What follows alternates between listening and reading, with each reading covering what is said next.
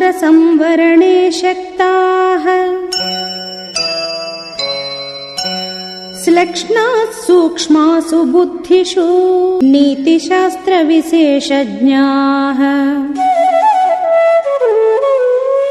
सततं प्रियवादिनः।